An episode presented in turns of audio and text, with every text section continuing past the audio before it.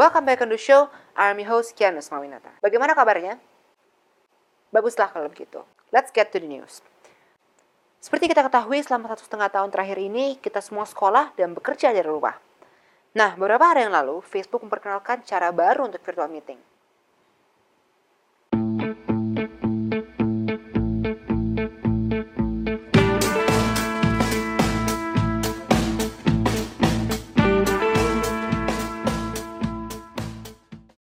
Betul, Facebook akan meluncurkan kantor kartun virtual reality yang merupakan sebuah teknologi luar biasa yang akan merevolusi cara orang bekerja dari piyama mereka di rumah.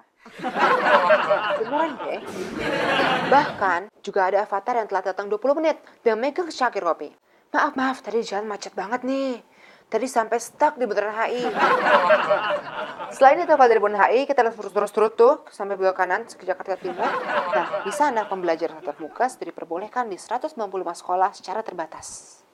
Para orang tua juga banyak yang mengaku karena anak yang kembali ke sekolah jadi nggak pusing lagi. Tenang ya, untuk orang tua yang anaknya masih PJJ, mending pijit-pijitan aja deh. Kayak Andin dan Aldebaran. Jangan kenceng-kenceng. Udah nggak usah. Ini udah pelan. Sayang, nggak kan, usah. kan bener begitu. Nggak usah sayang. Tadi kan begitu. Udah. Coba, coba ke saya coba. Nggak mau capek. Coba. According to recent studies, lain halnya dengan anjing, kucing lebih suka mendapatkan makanan gratisan dibandingkan bekerja atau berburu untuk makanannya. Wait, sir telling me bahwa makhluk Tuhan yang kerjaannya tidur selama 20 jam dan 30 menit lebih milih jadi pengangguran. Penelitian mendapatkan kesimpulan ini setelah mereka menyediakan makanan untuk kucing yang mudah untuk diambil dengan makanan yang disimpan dalam apa namanya puzzle gitu ya. Dan kucing memilih makanan yang gampang. Meanwhile, sisanya lebih memilih bokong. Look at her, come on. Dia lagi tidur di sini. My only live audience. Ah. Sementara di Inggris, kue pernikahan Prince Charles dan Lady Diana dari tahun 1991 telah terjual di lelang dengan harga lebih dari 2.500 US dollar atau sekitar 350 juta rupiah. Dengan uang sebegitu banyaknya, kita udah bisa beli mobil Pajero, menginap Hotel Raffles selama dua malam. Itu tuh yang tempatnya Raja Salman waktu itu tidur. Atau bahkan rumah yang dijanjikan oleh Anies Baswedan pada saat kampanye dulu. Kalau hari kemerdekaan biasanya identik dengan tanggal 17 Agustus, lain halnya dengan rakyat Aceh yang baru tahu kemerdekaan Indonesia dua pekan setelah Bung Karno baca proklamasi. Karena pada saat itu Aceh memang sedang dalam tekanan tentara Jepang sehingga berita kemerdekaan masih ditutupi. Barulah pada saat pahlawan nasional dan pejuang Aceh terkemuka, Teku Nyarif, pasang padan mimit pengibaran bendera merah putih di Aceh, akhirnya berita kemerdekaan mulai tersebar di tanah Sumatera. And finally, menurut laporan baru, 2020 merupakan tahun terpanas di Eropa. Sampai-sampai ada satu pria di Prancis yang hampir ngelepasin scarfnya. We'll forget you for tonight. This week, Mpok Maudi Kusnadi nanti akan cerita mengenai hal paling memalukan dalam hidupnya. Dan Fatur Java Jeff juga akan bawakan lagu Gerangan Cinta di Jumat besok. Jangan ke mana, we'll be right back. Stay tuned tomorrow for more Kianus Mawina Talks.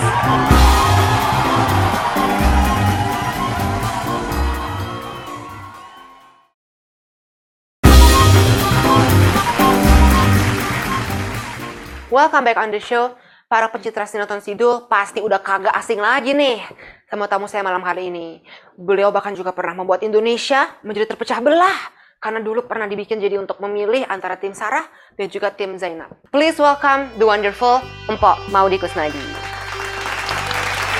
Hai Danu. Halo. Kabarnya? Ini dia nih Baik, alhamdulillah. Belahan hatinya Sidul ke mana-mana, ke Sarah, ke Zenab. Gimana gimana? Sehat? Sehat, alhamdulillah. Aku di, masih di rumah aja sih. Ada persiapan eh, syuting, tapi masih eh, melihat situasi dulu ya. Jadi masih di rumah terus. Em, sebenarnya ya around this time sekitar hampir setahun yang lalu Kiano kan sempat ngobrol nih sama Om Rano beliau sempat cerita aku tuh mau ngebikin mini series eh, Sidul tapi sempat ditunda karena berbagai macam faktor. Salah satunya karena Mpok pun juga katanya nggak mau karena lagi covid karena Mpok ini katanya em, apa efektif sekali ya tuh prokesnya tinggi banget ya. Jadi memang aku tuh kan ada comorbid untuk pneumonia ya, paru-paru. Aku pernah kena paru-paru dan sampai saat ini aku masih eh, pakai obat hisap setiap hari dan setiap malam. Jadi memang sudah diwanti-wanti zaman semua orang belum pakai masker, belum pakai pandemi, belum ada pandemi, Mulai. aku tuh kalau keluar keramaian pasti udah pakai masker gitu. Tapi memang orang-orang dulu ngerasanya wah nyamar nih, nyamar nih tutup-tutupin pakai masker Padahal gitu.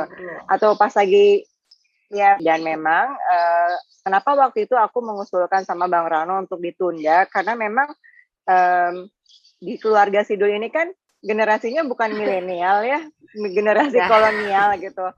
Ada aku, kemudian eh, Bang Mandra, Mbak Suti yang mereka juga masing-masing punya problem kesehatan. Jadi rasanya sebaiknya pada saat itu ditunda dulu Mm, mm, mm, gitu. Iya. Tapi waktu itu sempat di akhir 2020 kalau nggak salah, Empok Maudi mulai syuting lagi ya, sempat ada film em, Lost Man. Lost Man. Iya. Betul. Gimana tuh? Nah, kalau kalau Losmen Bubroto ceritanya beda sih Hmm. kayak Anu. Karena gini, em historicalnya juga bahwa aku ngefans banget sama cerita serial. TVRI. Mungkin Belum Anu belum lahir ya. Angkatannya papa kayaknya yang nonton. Terus eh, aku senang sekali dikasih kepercayaan untuk bisa memerankan Bubroto, peran dan tokoh yang memang aku nonton dari kecil. Terus di film Lost Man Bubroto ini juga dikasih kesempatan untuk kerja bareng dengan Maudi Iya. Ayunda, Putri. Marino, Baskara Mahendra gitu ya. Kembali reunian sama Matias Mucus dan sebelum aku mengiyakan itu aku sudah interview produser pelaksananya Mas Pandu juga Mas eh, Robert Oh, iya. Tony. Oke, di lokasi kayak gimana nanti gitu? Enggak, kita lockdown. Satu hotel semua pemain kumpul, satu hotel semua kru kumpul, ada eh, ini ya, zone 1, zone 2, zone 3, zone 4 semua on test, swab test standby sama tim kedokteran standby semua. Jadi mereka meyakinkan banget bahwa emang harus eh, apa prokesnya cukup ketat di lokasi dan memang terlaksana sih aku lihat Film Lost Man Bubroto ini kan adalah remake dari yang asli dulunya ada serial di TVRI ya. Dan Oda kan memerankan tokoh Bubroto yang dulu diperankan oleh Mika Wijaya, seorang aktris yang legendaris banget, dulu sangat salah satu yang terbaik pada zamannya. Bagaimana tuh Mbak memerankan seorang tokoh seperti Bubroto? Itu lanjutannya atau atau beda atau mungkin di universe yang lain atau gimana? cerita Lost Man Bubroto ini em, diceritakannya prequel sebelum cerita dari eh, sinetron atau miniseri yang di TVRI. Jadi Bubrotonya masih lebih muda, anak-anaknya semua lebih muda. Mereka bas- baru merintis usaha eh, Lost Man gitu. Jadi aku beruntung sekali sih Keanu karena bermainnya dengan eh, Mucus. Matias Mucus ya. Karena kan mm, Mas Mucus sebagai Tarjo di film seri Lost Man Di yang sebelumnya juga sebenarnya ada. itu iya jadi dia benar-benar bisa menceritakan tokoh Bu Broto tuh seperti apa aslinya kalau lagi syuting Bu Mika Wijaya tuh kalau di lokasi behind the scene-nya ngapain aja gitu karakternya gimana jadi aku banyak mendengar selain juga berkali-kali nonton berbagai episode-episode yang ada ya Ditunggu banget tuh keluarga Keanu juga bisa senang banget dulu nonton um, Lost Man ya. Kira-kira kapan tayangnya tuh? Kita udah udah nggak tahan nih, nggak sabar nih supaya kita ada refreshing. Kita kan pikiran COVID juga pusing. Jadi kita jadi bisa terutama Kayak- yang mungkin bukan cuman kamu yang nanyain Keanu aku juga nanya kapan dong bisa tayang semua pemain juga kangen banget.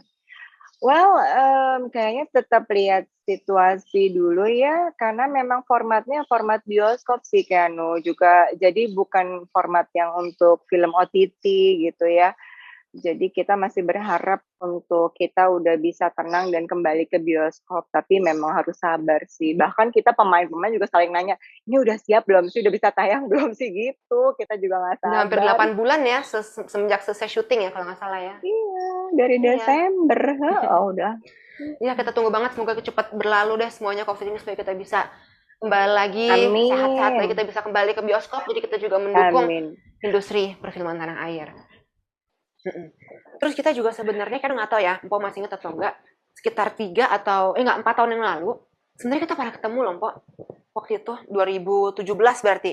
Nih, masih ingat nggak nih di mana itu kira-kira? sama oh aku tahu itu Giazi Betul, lagi persiapan konser teatrikal Teatrikal Babe, Benyamin. Babe, heeh, dia teater Apnon. Kok ada Giazi Iya. sama kamu? So waktu itu Keanu? Kianu sempat nemenin Abang Giazi, abangku, em, untuk ngecek untuk ngecek ini, ngecek persiapan persiapan untuk em, Babe waktu itu di mana itu? Mang- Jadi kamu adiknya Iya. Giazi. Oh my god. nggak jauh-jauh ya. Beda 12 tahun Keanu paling kecil. Tiba-tiba eh keluar lagi Oh baru. ya. Ah, aku sama kakakku bedanya 17 Wah. tahun Keanu. Amin. Mm-mm. Jadi kita hampir senasib ya. Iya. aku ingat kalau kayak Giazi datang bawa adiknya tuh aku ingat, tapi aku nggak ngeh itu kamu. Aduh, mungkin karena beda di sini Keanu rambutnya tinggi banget ya kalau itu sekarang kan udah ini.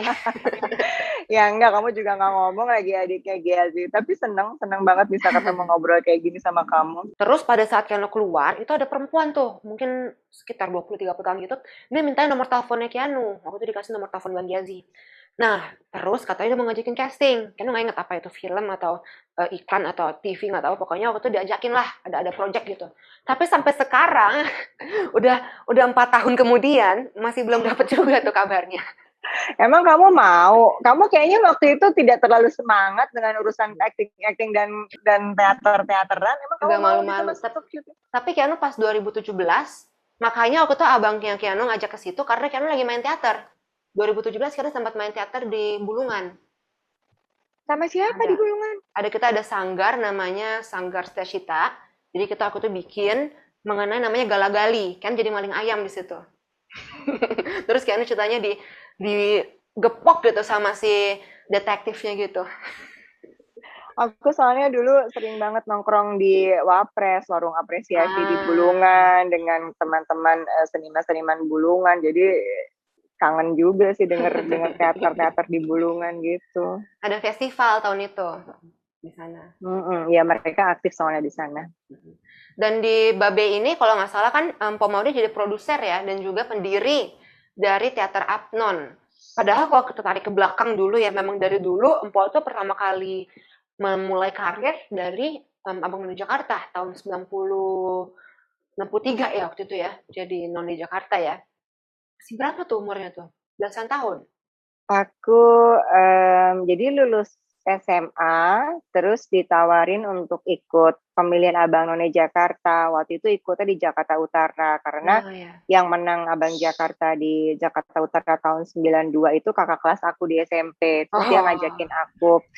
Aku pikir waktu itu lagi lulus SMA, nggak ada kerjaan sambil lagi nunggu pengumuman PMDK, Mhm. lagi nunggu pengumuman mau masuk kuliah di mana. Ya udah ikut aja pemilihan Abang None Jakarta Utara. Terus kan dikasih bukunya kan. Iya. Jadi terus akhirnya aku pas baca-baca mengenai eh, Betawi, mengenai eh, Abang None kok ternyata senang, terus jatuh cinta, terus aku belajar ya ternyata kok menang jadi None Jakarta 93. Waktu itu Iya. masih 18 tahun. Wow.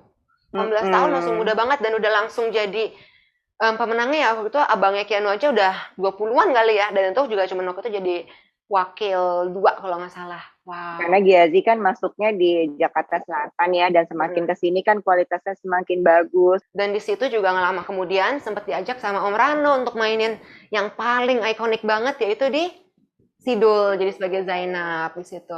Makanya juga dan kalau sekarang kan juga sekarang jadi teat- tetap aktif di teater Apnon dan juga tetap aktif sebagai aktris, tetap aktif sebagai produser dan makin ke sini semakin dikenal, semakin tetap tetap apa tetap banyak ya pengikutnya walaupun sudah hampir tiga dekade berarti ya sekarang yang berkarya ya Empok ya.